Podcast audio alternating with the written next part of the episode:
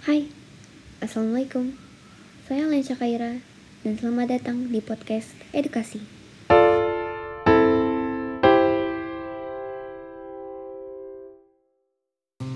Kali ini kita akan membahas tentang jenis-jenis perdagangan. Nah, pertama-tama, kalian tahu gak sih apa itu perdagangan?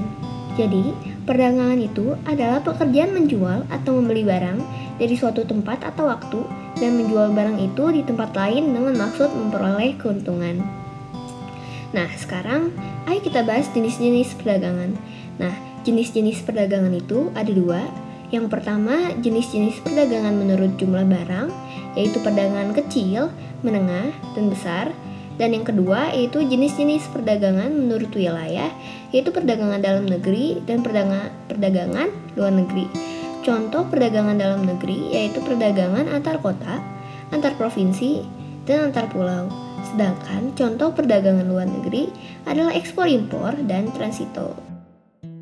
Nah, sekian untuk podcast hari ini. Terima kasih dan wassalamualaikum.